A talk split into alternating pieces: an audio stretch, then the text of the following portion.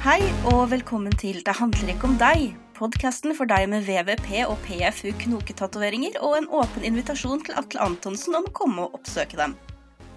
Vi har uh, endelig fått henta oss litt inn igjen etter 8. mars, så vidt i alle fall.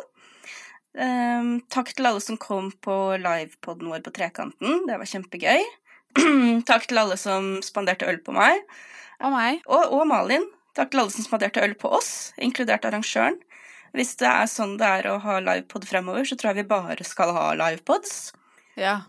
Dere får bare sånn li- livepod med sånn eh, kaklete thems i bakgrunnen. det, var, det var også veldig bra. Altså, takk, takk til alle som lo av alt vi sa. Ja, det var vakkert. Det var kjempefint. Peter er liksom eh, litt strengere mot oss. Han, eh, bare, han, han ser dømmende på oss, og med oss så mener jeg meg. Ja, han holder liksom latteren litt sånn inni seg. Ja. Apropos Peter, så vil jeg bare etablere at jeg eh, er sliten og syk og spiller inn hjemme i dag, så hvis lyden ikke er sånn like perfekt som Peter pleier å gjøre den, så er det min feil. Han er kanskje det nærmeste man kommer en trollmann, men det, er ikke sikkert han klarer å liksom få vekk all susinga fra PC-en min og alt som er dårlig med den dårlige mikrofonen min også, men vi Nå er du usedvanlig raus, Maren. Ja, ikke sant? Jeg, jeg er blitt uh, gammel og myk morne, sånn som Harald Eia. Ja. Og så det som du blir litt mer opptatt av hvordan du oppfattes. Rett og slett det. Og nå skal vi alle for alltid være med på ditt intellektuelle tankeeksperiment der du finner ut av deg selv. Ja, det bør jo være en glede for dere alle. Du, er, du er min Tore Sagen. Ja, altså, med tanke på hvor mye jeg simper deg, så ja. Deilig. Eh, Men, men det blir jo en litt sånn uh, utiltenkt naturlig overgang til det vi faktisk skal snakke om. Som eh, ikke er Harald Eia spesifikt, men vi skal snakke om uh, Jo, vi skal ha en ny, et nytt avsnitt av Harald Eia-nyhetene. ja, kanskje to eller tre på rappen. Ja. Nei, men vi skal snakke om generasjon X, eller humorgenerasjon X. 90-tallshumoren. Det var en um, artikkel i Morgenbladet, forrige Morgenbladet, som vi skal se litt på, som handla om um, ja, 90-tallshumoren. Uh, 90-tallshumorens arv. Litt sånn i lys av Bar Boka-saken, så vi skal snakke litt om den. Og vi er litt sånn sent på ballen der, men vi må liksom innom det for å Fordi vi har ikke planlagt noe annet. Men vi liker å ta oss god tid. Vi liker å ta oss god tid og være nøye, sånn at vi ikke, ikke går i de her generaliserende fellene som, eh, som stadig blir lagt ut for oss eh, på venstresiden når vi eh, reagerer med fø- følelsene våre. Fordi kritikk, det er alltid følelsesladet. Ja, eh, alltid. Og vi eh, generaliserer aldri. Nei. Nei, nei. Absolutt aldri. Nei, hvor skal vi begynne? Det var mye humor i Morgenbladet forrige uke. Mhm, Vi kan begynne med Atle Antonsen da, og PFU-klagen hans. Og... Ja, det har jo skjedd siden sist. Det har vi heller ikke snakket om. Herregud, det er ganske mye vi ikke har snakket om siden forrige gang vi var innom Atle Antonsen. Det er det. Vi spilte inn den episoden der vi snakket om han som heter Klovnens privilegier, hvis noen ikke har hørt den, rett før det ble kjent at den saken ble henlagt på slutten av året. Ehm, ja, for han klaget inn eh, P2-programmet Arena til PFU. Eh, Og Nyhetsmorgen, så det er vel NRK som han har klaget inn. Hele NRK. Brenn hele driten. Ja, ja, ja. Riv skiten og bygg bar. Eh, og det gjorde han fordi han mente at de var unyansert i sin fremstilling av saken. De hadde ikke tatt inn for nok motstemmer, og det var litt for drøyt å kalle han den ubevisste rasisten. Ja, for En konkret formulering fra den Arena-episoden som det snakkes om, det er at eh, sitat, dette kan være et eksempel på en rasistisk handling fra den ubevisste rasisten. Sitat slutt. Uffa meg. Ja, Antonsen og hans advokat mener at det er en påstand som er konkret og personlig og innebærer en stigmatiserende karakteristikk av ham som ubevisst rasist. Det er bare sånn Ja visst faen gjør det det! Jeg syns han skal være glad for at han får den formildende karakteristikken ubevisst rasist. Ja. Men eh, jeg, altså, alle er jo e er ikke alle enige om at det var det som skjedde, liksom? Det var en eh, ube... Helt Ikke Atle Antonsen, da, åpenbart. Jo! Han er også enig i det, fordi han var jo fuckings bevisstløs da det skjedde, så han var jo en ubevisst rasist, liksom. Tingen er at Atle Antonsen har jo sagt unnskyld og liksom i gåseøyne lagt seg flat. Um, men det han tydeligvis går med på, da, det er at han har vært en kjip fyr i fylla, men rasist, nei, nei, det, det er faktisk for drøyt, ubevisst eller ikke. Og det kan jo hende han får medhold i den PFU-klagen sin, at eh, PFU mener at NRK har brutt med god eh, presseskikk, eh, for all del, men det vitner om en sånn arroganse, og at han ikke egentlig har forstått noe som helst når han begynner å, å bruke masse tid, ressurser, og med tanke på at han snakker via advokaten sin penger, på semantikk. Han eh, skal tilbake til Kongen befaler. Han har søkt om midler til en eh, fiksjonsfilm som har arbeidstittelen Blackface. Eh, samtidig som Sumaya er traumatisert, retraumatisert, borte fra flere jobber. Og borte fra internett i det hele tatt. Og borte fra internett. Unnskyldningen hans betyr bare ikke en dritt, og jeg bare forstår ikke Det, det bare fins ingen ydmykhet i noen av de tingene han gjør nå. Og jeg driter i at han ikke ble straffedømt for det. Terskelen for hva som er akseptabel oppførsel går ikke ved hva som straffedømmes. Nei, og dette var jo akkurat det du sa, at på en måte den unnskyldningen han skrev på sosiale medier da denne saken eh, sprakk, eh, var at det var på en måte grei nok, men det gjenstår å se hva som skjer. Og nå ser vi jo hva som skjer, da. Ja. Eh, og jeg er egentlig bare veldig glad for at eh, det tar mange år å lage film. ja, altså Det kommer til å bli en sånn liksom-selvransakende egoprosjekt, hvor en liksom-ydmyk Atle Antonsen sikkert skal utforske hva er egentlig komedie i dag, og boy, og boy, er det ikke vanskelig å være gammel i dag og henge med i tiden, akk og ved, nei, gode intensjoner er nok ikke lenger nok, nei, og kanskje det er helt greit til syvende og sist, fordi så raus er nemlig Antonsen at han kanskje kan si at samtiden både bra og dårlig, og folk kommer til å sluke det rått, og så kommer de til å knikse og logre for flotte Antonsen vår. Eh, men hvor er Sumaya? Også, og hun kommer til å få enda mer agg retta mot seg, for det er jo hun som har lagd så dårlig stemning for stakkars Atle. Mm. Woke har ruinert Atle Antonsen, nemlig. Ja, ja. Og hvis, eh, hvis, den filmen ikke blir en kassasuksess fordi han prøver å få woke, så er jo det også bare bevis på at woke er lik broke. Jepp. Eh, så ja. Så det har skjedd på Antonsen-fronten. Ja, vi kjører rundt i en rundkjøring, alle sammen. Hver dag. Rundt og rundt, rundt og rundt og rundt. Vet du, den, den rundkjøringen skal jeg, skal jeg, snakke så sykt mye mer om senere, men først så må vi liksom snakke om det vi faktisk har tenkt til å snakke om, og så kan alle Hva var det igjen? Så kan strøtankene våre komme litt sånn senere. Men eh, det er da vi kommer til den uh, Morgenbladet-artikkelen, for da skal de da Altså de aktuelle 90-tallskomikerne skal prøve å reflektere rundt 90-tallshumoren og det å kødde med minoriteter og du vet, den kvelden på barboka. Og det er litt sånn morsomt at det, det står som en sånn greie at det, den kvelden på Bar Boka er noe av det de snakker om. Fordi det her er en gjeng som ikke har holdt kjeft om noe på 30 år.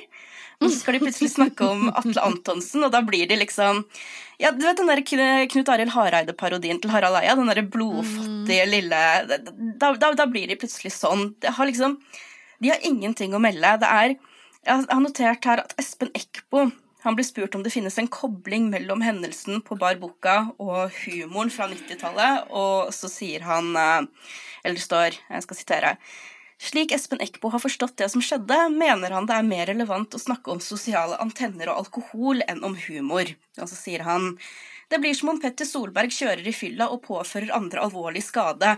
Det gir ingen grunn til å problematisere kjørereglene i norsk bilsport.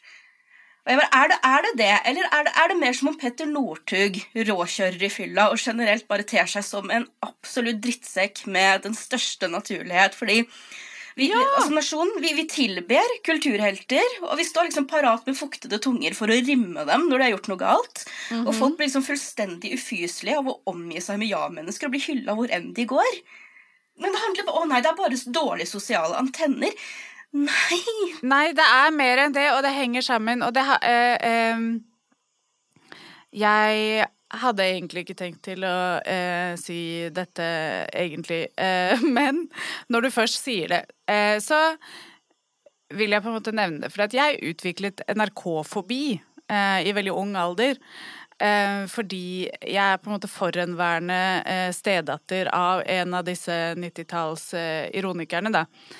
Ja, det eneste jeg vil si om det, er egentlig bare at jeg har på en måte opplevd veldig tett på i min familie hvor ødelagt man blir av å ukritisk bli hyllet som en kulturpersonlighet på den måten som den personkulten rundt akkurat den gjengen der var, da.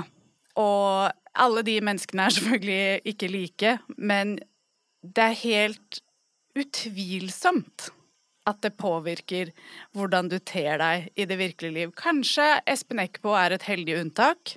Kan være. Ja, Han er jo definitivt en av de mest reflekterte i den saken, men Ja, og Jo Raknes også er jo ganske selvkritisk. kjempefin. Ja. Mm. Eh, men han er jo også en bakgrunnsperson, ikke sant. Han er ikke en som er foran kamera til enhver tid. Men jeg har tenkt ganske mye på det, egentlig. Bare når vi begynte å snakke om Morgenbladet-reportasjen, før jeg faktisk hadde lest den. Hvordan Jeg kan ikke si så mye om hvilke vitser eh, og hvordan humoren på TV faktisk var i detalj. Fordi jeg tror en konsekvens av en måte den delen av min oppvekst da, er at jeg har på en måte skydd disse NRK-humoristene og den NRK-humoren egentlig nesten hele livet. Jeg har aldri sett noe særlig på noe av det som er liksom vår humorkulturarv. Jeg fant ikke på den NRK-fobien som et sånn NRK-fenomen av meg selv som 10-11-åring, liksom. Det er noe som kom ut av at andre folk, de andre bakgrunnsfolkene i NRK, snakker om disse menneskene med en sånn derre Å, oh, shit, de holder på å bli så jævlig fucka. Men de snakker bak ryggen deres. De har aldri sagt det til. Jeg har i hvert fall ikke til gode å se at uh, egentlig noen av de har tatt noe særlig lærdom av det, da. Nei, for det er det jeg legger merke til spesifikt i den artikkelen òg, at de virker så lite Eller overraskende lite reflekterte. Jeg kommer til å Det er ikke så mange som har så mye å melde, men jeg hang meg opp i en del som Annika Tærland sa, for jeg tror jeg bare hadde forventa mer av henne spesifikt. Um, Hun så jo ut til å komme godt ut av det. mm -hmm.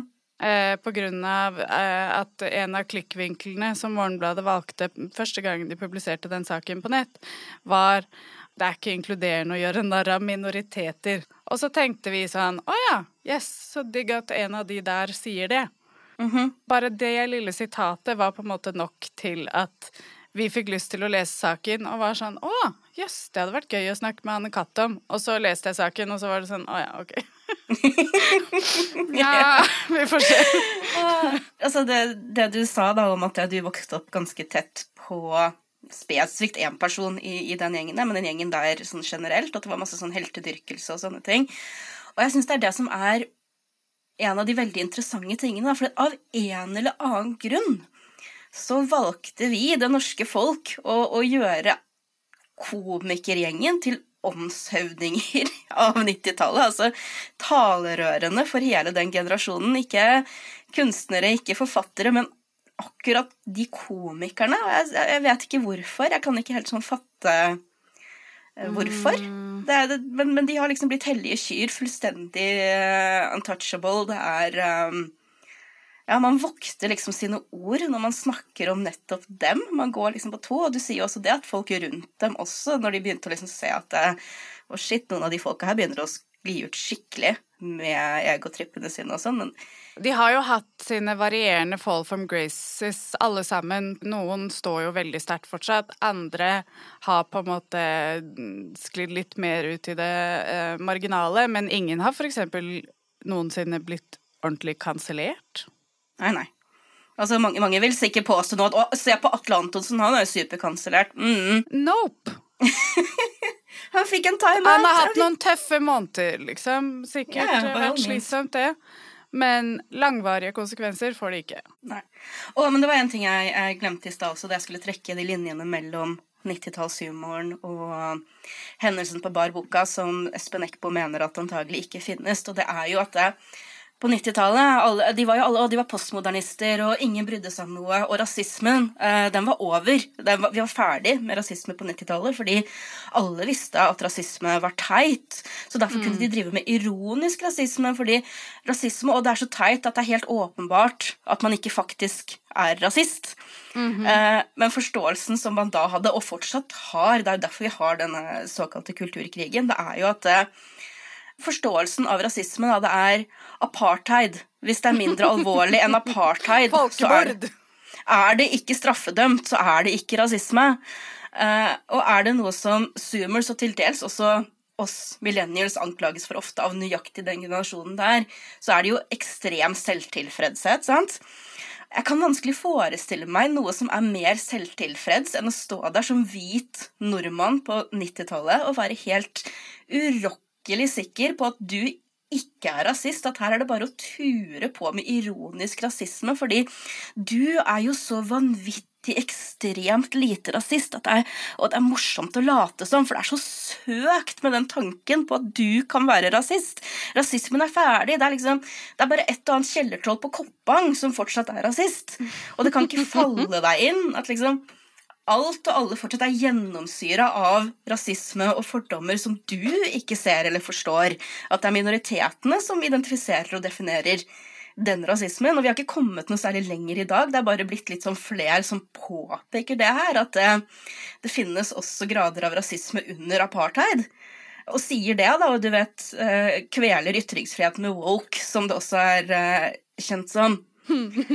Men så viser det seg da at det, vi kanskje ikke hadde eller har like stort grep, eller ja.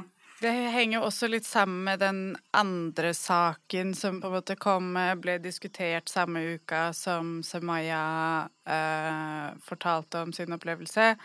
Um, med han uh, rullestolbrukeren. Mm -hmm. Som Atle da liksom Lata som han skulle trulle utenfor. Mm. Ja, ikke sant. Og det er også et sånn tydelig ettermæle av den 90-tallshumoren. At det er sånn å ja, nei, her skal vi faen kødde med han rullestolbrukeren så han blir redd, og kødde med det at han er rullestolbruker. Ikke bare kødde med han og ha humor og snakke med han som om han er et menneske, for han er jo først og fremst en rullestolbruker. Og det er på en måte det, det det mest inkluderende jeg kan gjøre nå, det er å kødde med det at han, er, han sitter i rullestol og skremme han skikkelig. Han fortalte jo også om sin egen reaksjon, som sånn umiddelbart var å være litt sånn takknemlig for at han turte å kødde med han, selv om det var en veldig ubehagelig opplevelse. Ja. Og det er jo også noe som sitter i oss, liksom. At man har den der 'Å ja, takk for at du tuller med meg'. Det er fint det å føle seg inkludert, men så, så bare innser man jo da at det det er det med den ironigenerasjonen at det, å ja, hvis du er ironisk homofob, så er det derfor at det er så åpenbart at du ikke er homofob. Men det, det er jo det som skjer på Bar Boka, og at Atle Antonsen sa sånne drøyt rasistiske ting, for han er jo så overbevist i sitt eget hode om at han er ikke rasist, så Sumaya Irde Ali må jo skjønne at han kødder når han sier rasistiske ting, for han er bare den minst rasistiske lille gutten som noensinne har gått inn på Bar Boka. Ja, så det skylder hun ham å forstå, fordi han vet det i dypet av sitt indre. Jeg tenker at hun kanskje bør uh, lage en fiksjonsfilm om, om uh, hva hun har påført Atlantonsen. Ja. En sånn ironisk film om, om, smerten du påfører noen ved å kansellere dem. Mm, mm. Altså, det som var på en måte mest eh, påfallende med alt som blir sagt i denne artikkelen, er den manglende konsekvenstenkningen at liksom den hellige gral, det er den ideen de hadde, og deres tanke bak ideen. Og aldri hvordan ideen ville treffe, eller hvilke konsekvenser en idé kan få når den blir misforstått. Og det er jo det vi ser igjen og igjen og igjen og igjen og igjen. og igjen og igjen.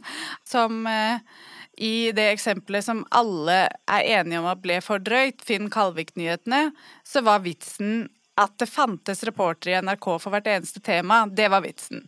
Eh, og de snakket med Finn Kalvik, og det var OK for ham til å begynne med.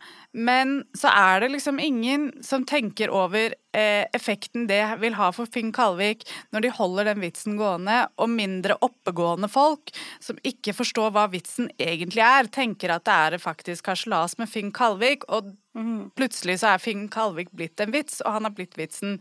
Det er litt det som vi stadig gjentar her, da, at intensjonen slår aldri innsikten en ting som uh, Anne-Kat. sier når, uh, når, hun blir spurt om den uh, litt kaldere, litt sånn slemmere 90-tallshumoren. Hun sier jo senere at hun ikke mener at den er slem, og jeg skal komme tilbake til det også.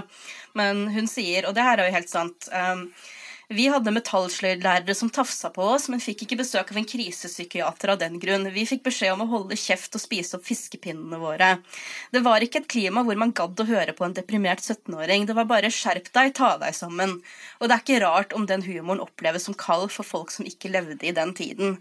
Og jeg syns at det er fair nok, fordi jeg vokste jo opp i den tiden selv. Litt, altså Nå er jo jeg en halv generasjon under det igjen, og min egen humor er jo prega av det. Uansett hvor sykt PK jeg er, så merker vi at jeg sier og skriver ting på måter som særlig folk som er yngre enn oss, kan reagere på. Fordi mm -hmm. jeg har òg litt, litt kjølig distanse til alt som lukter av føleri. Hva mener du?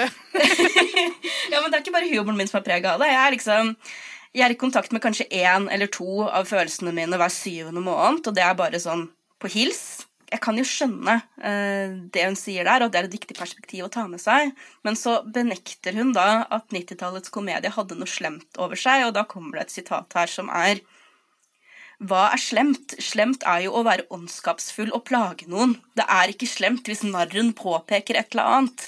Satire har ikke noe med å være slem å gjøre det her er sånn den samme martyriske dritten som Harald Eia driver med. Det er sånn 'Å, men jeg er bare en liten gutt som vil være moro', og påpeke at keiseren ikke har klær på seg. Og det er sånn, hva da? Det er ikke slemt hvis narren påpeker et eller annet. Det er jo jævlig avhengig av hva den narren påpeker, da. ja. Og at det er ment satirisk, betyr ikke at det ikke er slemt. At det ikke er ment slemt, betyr ikke at det ikke er slemt. Og særlig når du er en av de mektigste i landet i din bransje, og du står og bretter ut den satiren på liksom, de største scenene på TV det er så skinnhellig å bare Ja, men jeg sier bare sannheten. Det er litt slemt av deg å si, Maren. Ja, fader. Gikk jeg min egen felle. Åh. Vi kan ikke kalle en spade for en spade, da. Det er ikke lov. Nei. Um, og så er det som jeg kanskje måtte lese flest ganger av de tingene Anne Katerland sa, fordi det står uh, Anne Katerland virker vemodig når hun snakker om det hun mener var en sentral verdi på 90-tallet. Å være fri og uavhengig. Meningene du hadde, skulle du stå for selv. Uh, og så sier hun det verste du kunne tenke deg, var å suge kommerspikk. Du bodde heller under en busk enn å gå inn på TV-skjermen med Rema 1000-logoen på deg. Det var et jævlig mye sunnere klima. Nå har man faen meg klart å kommersialisere en hel ungdomskultur, sukker hun med henvisning til, henvisning til dagens påvirkerkultur og bransje. Å, er det et helt nytt fenomen, eller? Det var ikke noe kommersiell ungdomskultur på 70-tallet eller 80-tallet eller noe. Det har aldri vært noen som har prøvd å selge noe til ungdommer, er det? Aldri. Altså det jeg først og fremst lurer på, og da mener jeg sånn oppriktig lurer på Ikke sånn 'Å, jeg lurer faktisk på'. Jeg mener sånn helt oppriktig, så lurer jeg litt på hvilken tidsperiode hun tenker på eh, når hun snakker om at det var liksom Det verste du kunne gjøre, var å suge kommerspikk. Fordi eh, det er et bitte lite tidsvindu fra akkurat de komikerne her begynte å gjøre standup og etablere seg i Oslo på klubbene, til de var på NRK. Og det bitte, bitte lille tidsvinduet som, hvor de kanskje sikkert var super antikommers, eller altså når de, når, når de, var veldig indie og sånne ting, det er ikke representativt for 90-tallshumoren i det hele tatt. Det er bare noen få år før de kom frem. Og jo da, NRK er statskanalen og ikke reklamefinansiert, men de kom så raskt på TV. Det, det, var liksom nesten ikke noe, noe, vindu mellom de begynte å drive med standup og den humoren her, til de sto på TV. Og når du er på NRK, da suger du kommerspikk. Jo, Gjør du? Du, ja, du, er, altså, du er i mainstreamen. Jo, jo, jo, jo, absolutt. Men jeg tror jeg, jeg Altså jeg sier ikke at det er noe galt med den engang, men du er kommers så, så, fort du har den plattformen. Punktum. Eller kanskje ikke punktum, jeg er åpen for diskusjon. Uh, jeg tror på en måte at uh, hvis man tenker litt på hva NRK var, at det ikke føltes så kommersielt, kanskje? Ja, for det snakker jeg litt med poddens venn Philip Rosshaug om. At eh, det var mer spillerom der, til å lage litt sånn nisje- og knirkete humor på tidlig 90-tall og midten av 90-tallet. Eh, Lille Lørdag og Åpen post var ganske knirkete. Irma 1000. Jeg har aldri sett Direkte lykke, det første programmet til uh, Annikat, så, så, jeg vet liksom ikke. Uh, men det at man liksom fikk drive med litt mer nisje greier mm -hmm. på landets største plattform, mm. jeg syns ikke det liksom kvalifiserer til å ikke suge kommerspikk. Altså, det er ikke sånn det verste eller liksom det mest mest sånn nykapitalistiske du kan drive med på noen måte. Um, for da kommer vi til er det, det er vel 1997. Da kommer Standup Norge. For Thomas Giertsen sier i den uh, artikkelen at han tror at det påvirka hvor mye komikerne kunne tillate seg å si. For da ble jo en stor del av inntektsgrunnlaget bedriftsjobber og sånne ting. Mm. Um, og 1997, ja, det er slutt slutten av 90-tallet, men det som vi kaller 90-tallshumoren, bærer jo også veldig over i tidlig 2000-tall. Du har Ut i vår hage og Team Antonsen og Nytt på nytt, for den saks skyld, som kom i 1999. Så da har du de komikerne her som sprella på NRK gjennom mye av 90-tallet, og så masse på TV 2 og TV Norge tok eh, haugevis av bedriftsjobber, konferansieroppdrag. Og det er ikke bare å suge kommerspikk, da sloppy deepthroater du kommerspikk. Og jeg bare vet ikke Når er den der hyperuavhengige perioden som Annika Terland snakker om? Jeg er helt enig med deg. Men jeg, altså, jeg føler på en måte ikke at hun prøver å påstå at hun var en sånn Karl Marx av 90-tallshumor.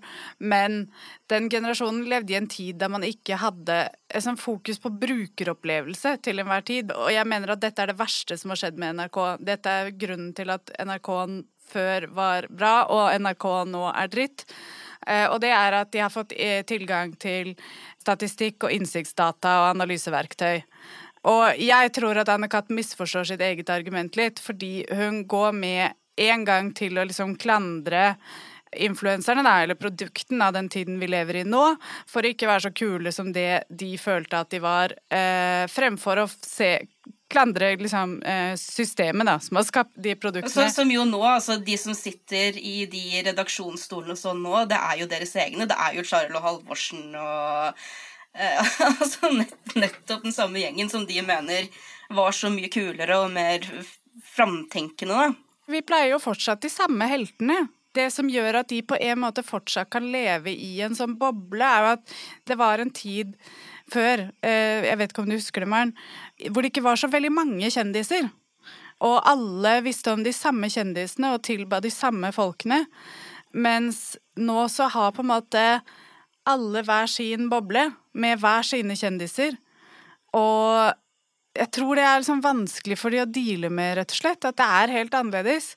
Men jeg tror på en måte at hun tenker på det, da. At de var komikere i en tid før den datainnsikten og analysen og kunne lage humor som var sånn enten skjønner du det, eller så skjønner du det ikke, og gi faen. Ja, for de kunne bli gitt en plattform til den humoren, fordi at det, det var ikke masse AI-generert data som uh, tilsa at uh, det her kommer ikke til å selge nok. Nei, og det er akkurat det, for de snakker om publikum som om det bare er publikum man må tilpasse seg i 2023. At det er liksom publikum som er så jævlig sarte og ikke tåler noen ting. Men faktum er at det spilte ikke noen rolle om det de lagde var en god brukeropplevelse. Nå handler alt om den jævla brukeropplevelsen. Og alt, man skal måle seg til, og eh, målgrupper, og hva som funker, og hva som ikke funker. Og dataen er liksom det viktigste til enhver tid, og man tør ikke å lage noe som ikke er basert på det man har gode data på fra før. Man tør ikke å lage noe som ikke er Kevin Vågenes. Nei, og alt skal inn i sånne helt tydelige bokser. Og hvis ikke det passer inn i den boksen, så er det ikke tydelig nok for målgruppen, og da passer det ikke inn på kanalen. For å liksom lese henne med mest mulig velvilje, da. Jeg tror ikke det er det hun mener, egentlig, men det er det som var på en måte unikt for den tiden kontra den tiden vi lever i nå, da. Og mange misforstår liksom det som er sånn woke problem. Men det er den der innsikten og analysen og evalueringene. Det er det som har drept kreativiteten og den kulturen som var i en eller annen fri flyt før, liksom. Ja, for det, det, leses jo veldig over på at det er ungdommer i dag, og de har et kulturproblem fordi influensere. Altså, men, men, Atle Antonsen har bare et problem i fylla. Der, der ja. fins det ikke noen sånn kulturelle større sammenhenger eller noe sånt. Og det er en liten sånn karakterbrist, eh, selvfølgelig. Nei, men det er jo sant, og det, det, i likhet med, med Annikat så er ikke det, altså brukeropplevelsen, noe som er helt uh, Jeg tror ikke uh, Atle Antonsen gikk inn på bar boka og tenkte brukeropplevelse. Hvordan gir jeg Sumaya den beste brukeropplevelsen? Nei, kanskje ikke, kanskje ikke.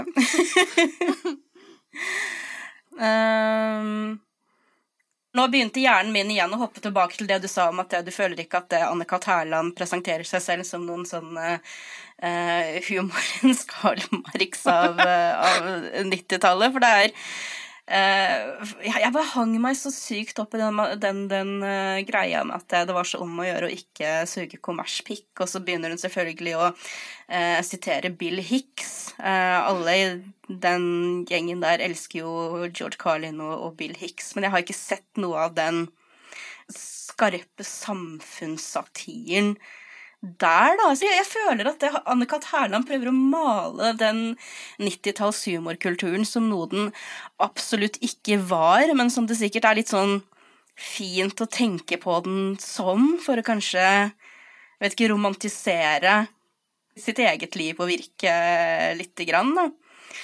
Og det føltes sikkert sånn det reflekterer eh, en av de litt rundt også, at det at i den der eh, dissonansen mellom det å gi fingeren til makta og plutselig være en del av eliten Altså man er seg selv eh, innerst inne, på en måte, og, og det kan være vanskelig å ta inn over seg ja, hvilken posisjon man faktisk er i, da. Og jeg tror kanskje også at særlig som en sånn kreativ person, da, så er det kanskje noe som på en måte bare sklir litt forbi bevisstheten din, men det sier jo på en måte også et eller annet om noen skylapper, da.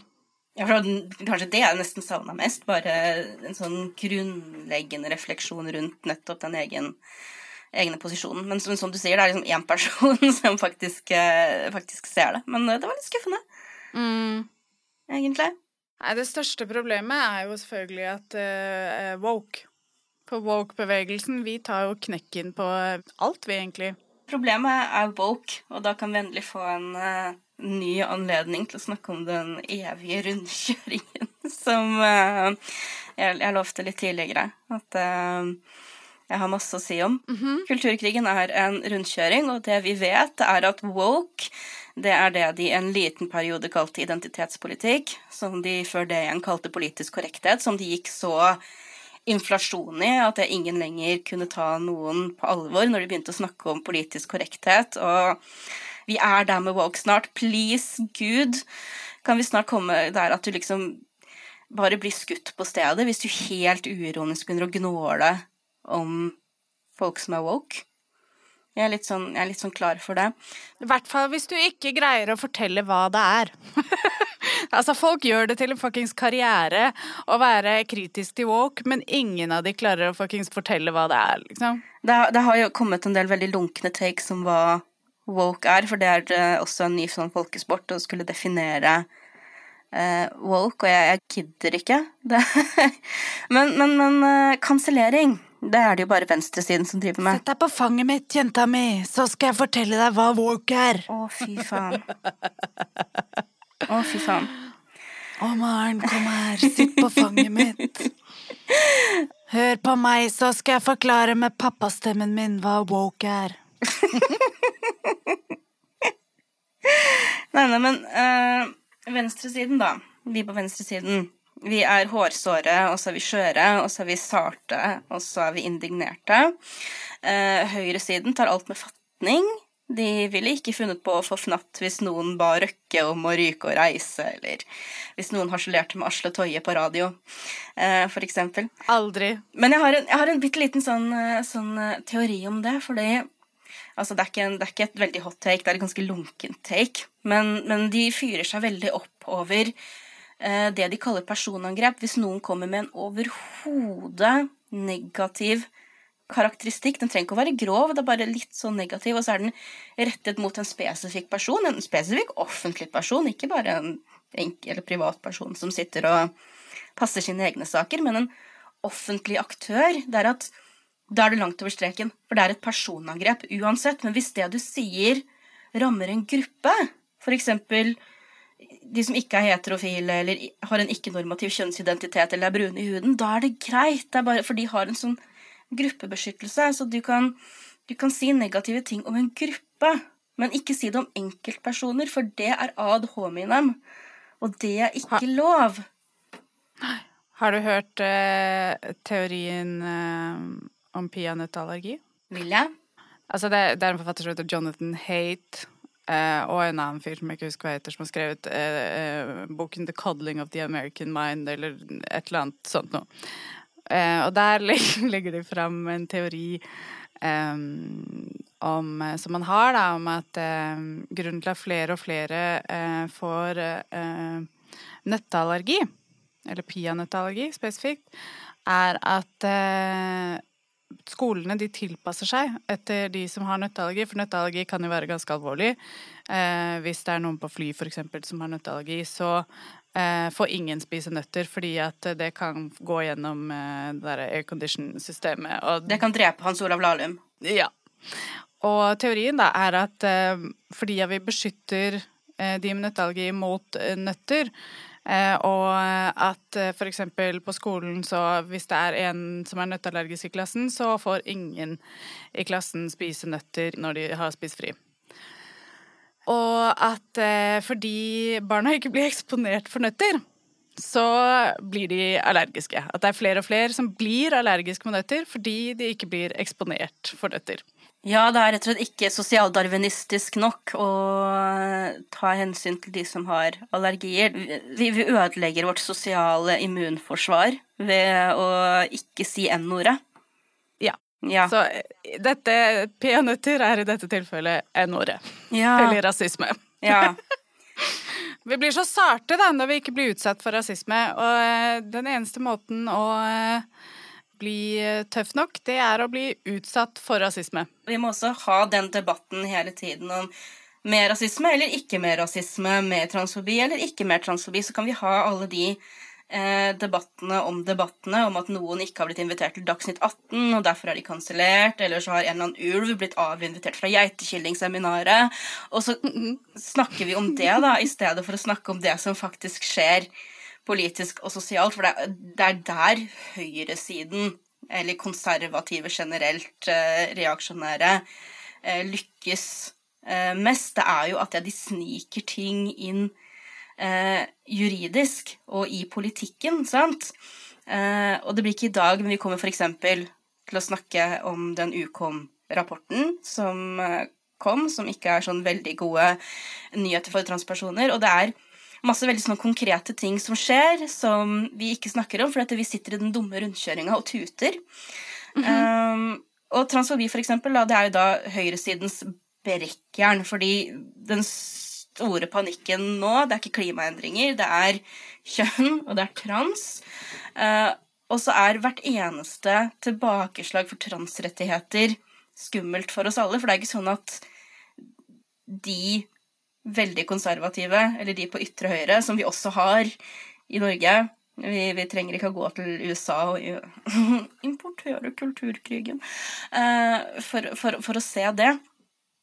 Um, Nei, altså skal jeg bare ta, trekke frem et nylig eksempel. Truls Olafsen Mehus, eh, og, eh, som er nestleder i Hammerfest KrF, og eh, lederen i Hammerfest KrF foreslo om det var denne uka eller forrige uke, at um, eh, det er på tide å forby lære om kjønnsmangfold for eh, barn under elleve år. Og han er jo da en av de som enkelte prominente transfober i Norge har mye kontakt med, har eh, organisasjoner med. Og så tenker de at folk som Truls Olufsen Mehus kommer til å stoppe oppe når de liksom har fått uh, stukket nok kjepper i hjulene for, for, transbevegelsen, eller kommer han til å kjøre fortsatt på med homofobi, abortmotstand? sånn, Jeg, jeg syns ikke det er så alarmistisk å se hva som foregår eh, i USA om dagen. Det er mer sånn fremsynt, fordi konservative pulveriserer transpersoners rettigheter og livsvilkår juridisk. Og så får de momentum, og så bruker de det til å gå videre til å angripe LHBTI pluss for øvrig og, og, kvinners rettigheter. Og det er overførbart hit, selv om de ikke er på samme skala, og selv om de ikke er like langt. Norge henger alltid ti år etter alt, mer eller mindre. Sånn at uh, her er vi i en startfase. Én ting som skiller Norge litt fra Eller skiller Norge mye fra USA, men er jo at de har ikke like sterkt politisk fotfeste, men for eksempel når Truls Olafsen Mehus og Hammerfest KrF foreslår dette, så er det en test før eh, kommunevalget. Eh, dette tester de, ikke sant? Det, dette, det, er helt strategisk at de velger eh, å gå ut med det forslaget nå, fordi det er lokalvalg til høsten. Og hvis det eh, blir en suksess for Hammerfest KrF å hamre løs på eh, det de da kaller eh, kjønnsideologi, så blir det nasjonalpolitikk til neste stortingsvalg. Du tester det lokalt før du prøver å få det inn i partiprogrammet? Mm -hmm. Men det er selvfølgelig woke som er et problem, eh, og ikke alle de fordi at, altså, jeg vil bare, bare for å ha det understreket, da, at eh, Truls Olafsen Mehus er også eh, lidenskapelig opptatt av å fortelle om alle problemene woke skaper. Eh, og det er jo forstemmende, for det, sånn som Jeg blir oppriktig frustrert, for eksempel av den kommentaren til Torbjørn Røe Isaksen. Jeg tror han har fått eh, som han skrev eh, forrige uke om eh, hva som er problemet med woke. Og jeg tror han har fått en del fornuftig kritikk. Han er jo at konservativ på Twitter, men jeg har bare fulgt med på hva han har giddet å svare på, fordi jeg hadde et par spørsmål til han som han selvfølgelig har ignorert. Men han svarte på et par andre ting, og jeg har en følelse at det kommer en litt mer nyansert take eh, her, hvor han på en måte kanskje kan gå med på at eh, vi kansellerer hele tiden, og det er ikke bare venstresiden, og greit nok, greit nok. Sånn, liksom. Men jeg blir utrolig frustrert av det sykelige fokuset på alle problemene eh, woke og venstresiden skaper, uten at man engang greier å komme med gode eksempler på hva de problemene er. De kommer ofte med sånn veldig generaliserende, ekstreme eksempler på dårlig aktivisme og dårlige takes som alle, uansett politisk ståsted, er enig i at er ræva, liksom. Men det blir liksom malt som et woke-problem. Og hvorfor det, liksom? Hvem er det det beskytter? Hva er det vi ikke ser på når vi hele tiden snakker om woke-bevegelsen? Jo, det er folk som Truls Olafsen Mehus. Ingen bruker tid på å kritisere han, ingen bruker tid til å se på og se nærmere hva faen han holder på med, liksom. Og hvordan han får mer og mer makt i KrF. Og så er det også den forestillingen om, eh, om woke-mobben. At det er en sånn enorm bølge av folk som prøver å kvele all debatt, ytringsfrihet og Vi er noen som sitter på internett og hisser oss opp over noe par ting, liksom. Vi sitter på Twitter. Malin, har du gått full red oh scare uh, i dag? Oh, kan du bli på R-ordet, Peter? Nei, men altså Men jeg sa det om meg selv! ja, ja. Nei, men det er den der forestillingen da om at uh, woke-mobben den er liksom enorm og altoppslukende, og det er så mange, og det er bare en bitte liten gjeng fryktløse frihetskrigere som våger uh, å stå imot. Uh, og jeg tenker at en ting vi må bli litt flinkere til å ta inn over oss, det er at folk du ser i kommentarfeltene, de er ganske representative. For hvis jeg nevner kommentarfeltet da, til noen i skravleklassen, f.eks. når jeg sier 'bare se på hvor uh, bananas folk går' når det kommer en eller annen sak som kan vinkles mot woke, og hvor mye media elsker det.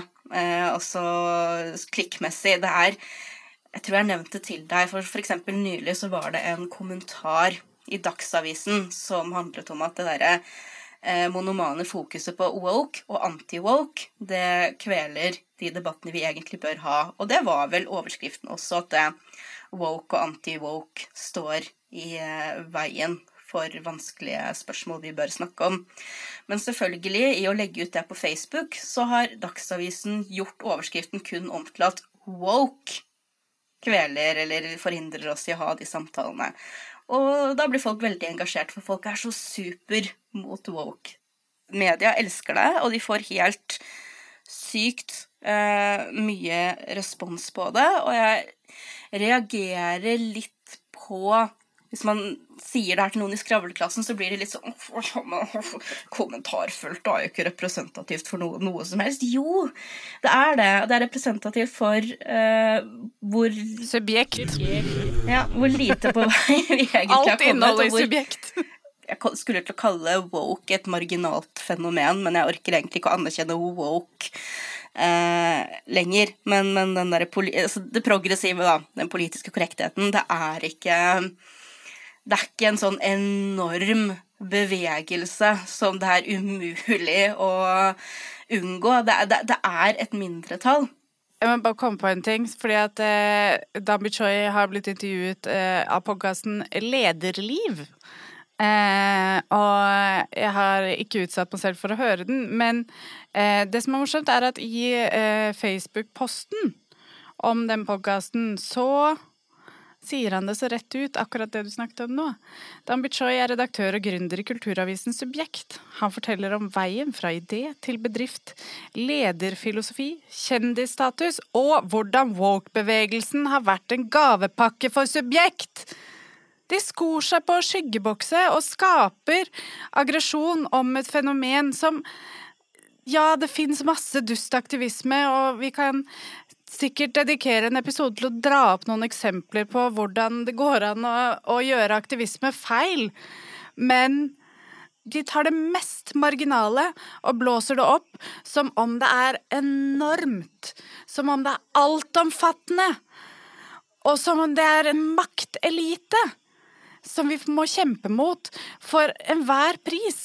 Mens det som egentlig skjer, er at det er noen få mennesker som er interessert i å utfordre og stille spørsmål ved det bestående, og så steiler pappaene og mammaene og besteforeldrene fordi at 'Å nei, det er så slitsomt'. Og så har du noen sånn pappagutter som Danby Choi som er sånn 'Å, ja, men vi må gjøre som pappa og mamma sier'. For de sier at dette er dumt.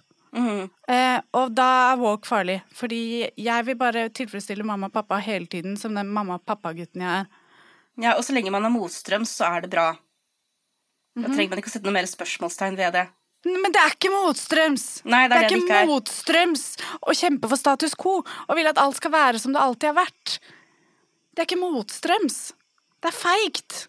Jeg prøvde å liksom ro meg dit i alt uh, røret mitt i stad, men jeg bare kommer til å tenke på, på, hvordan de pisker opp da og får uh, woke til å virke som det her enorme monsteret som, som, ligger som en giftsky over hele planeten. Det er, det er, liksom, det er en enorm mafia med balletak på hele kloden, samtidig som det også bare er Eh, en gjeng med sånn skjøre, sytete bleiebarn, snowflakes, som ikke tåler noe som helst. De er begge de to tingene. Samtidig. Ja, faktisk bestem dere. Vi er både autoritære, og vi tåler ingenting. Og vi, vi kommer oss ikke ut av senga engang. Men det er, jo, det er jo liksom rett ut av eh, de kjente 14 kjennetegnene på fascisme som Umberto Eco skrev på 90-tallet. At det, fienden er både sterk og svak. Du bare fortsetter å endre det retoriske fokuset ditt til det som passer deg i øyeblikket. Som om du bare kjører rundt i en rundkjøring. Rundt og rundt og rundt og rundt. Det må være slitsomt å kjøre rundt sånn hele tiden, og ikke kunne ha et fuckings prinsipp som bare står utenom at jeg vil si N-ordet til enhver tid. Ja, altså, du, kan ikke bare si N-ordet. Du, du, har lov til å si to ord. Det er woke, og det er krenk. Uh, og det kommer også ut, hvis vi skal snakke om uh, Umberto Eco først, det er at uh, fascismen bruker konsekvent nytale. Nytale er i motsetning til hva enkelte later til å tro, ikke pronomen. Mm.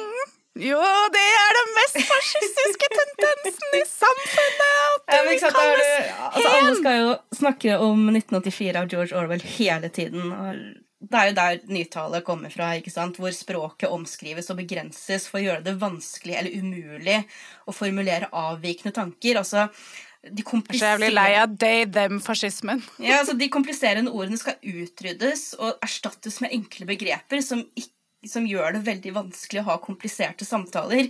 Og det er det vi ser med Du du skal kunne si at noe er woke, og at noe er krenk. Det, vi, skal, vi skal ikke ha noe mer komplekse samtaler enn det. Og N-ordet, da. De er så opptatt av hva som er irriterende for dem personlig, mye mer enn hva som faktisk er et samfunnsproblem. De reagerer på at man ønsker å snakke om ulike eh, utfordringer i et samfunn som holder på å brenne opp, med å si at det er et problem at vi ikke tåler at samfunnet holder på å brenne opp. Hele tiden! Og sånn holder de på, liksom. Det, bare, det går ikke an. Og så etterlyser de reflekterte samtaler samtidig. Jeg blir gal, jeg. Trenger du å hvile? Du, Ja! du ser så, du, du, du, bare, du ser plutselig sånn helt du, du ser ut som en sånn, sånn eh, YouTube-thumbnail uh, akkurat nå. Bare sånn helt Kanskje jeg skal begynne å legge podkasten på YouTube, som hvis du filmer det sånn her. Ja, men da, da er det en Ja, ja men da er det en YouTube-serie. Og, jeg- å, jeg hater konseptet podkast på video. Jeg syns ikke det er Ja. en podkast. Nei. Nei. Jeg er helt enig. Vi skal ikke ha podkast på video. Nei.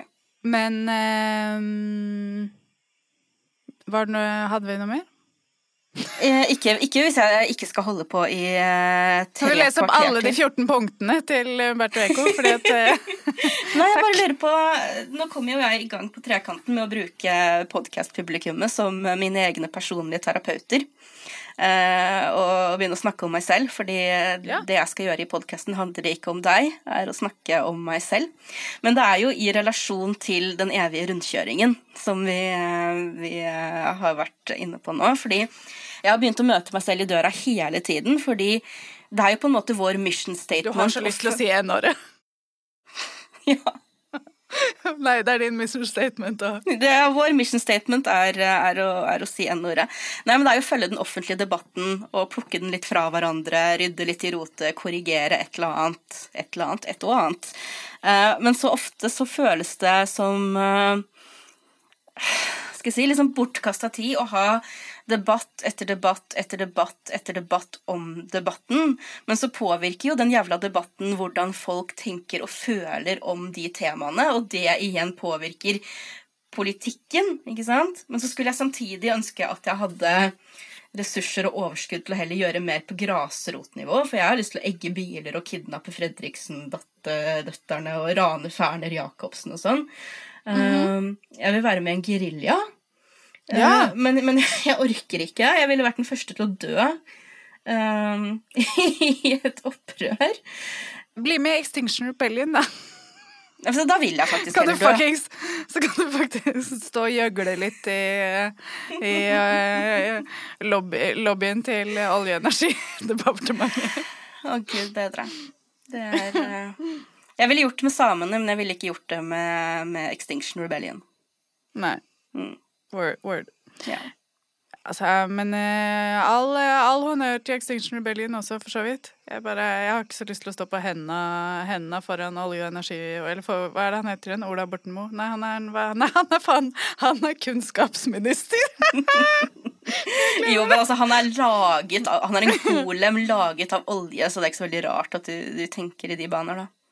Jeg mener, hva, hva er det han gjør som kunnskapsminister? Eh, Ja, det ser faktisk litt ut som at han eh, liksom Hvis du, hvis du poker han i øyet, så kommer det olje ut. vi prøver. Mm. Skal, vi, skal vi runde av der? Ja, for nå må jeg faktisk dra til Trøndelag for å prøve å poke Ola Borten Moe i uh... Vi skal til Trøndelag! 13. april 13. skal vi ha livepod. Mm, Eh, Maren pakker strikkepinner. Jeg har et nytt strikkeprosjekt, så jeg har ikke lyst til å få oljesøl på det. Men eh, kanskje jeg tar det med. Det skal uansett bli rått og fuktig. Det skal bli rått og fuktig eh, eh, den 13. april på Samfunnet i Trondheim. Eh, klubben klokka sju. Gratis. Det fins et Facebook-event som eh, vi skal lenke til.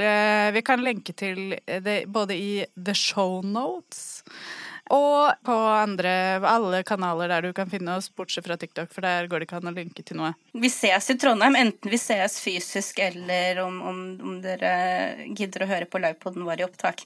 Ja. Ja, Og det håper vi at dere gjør.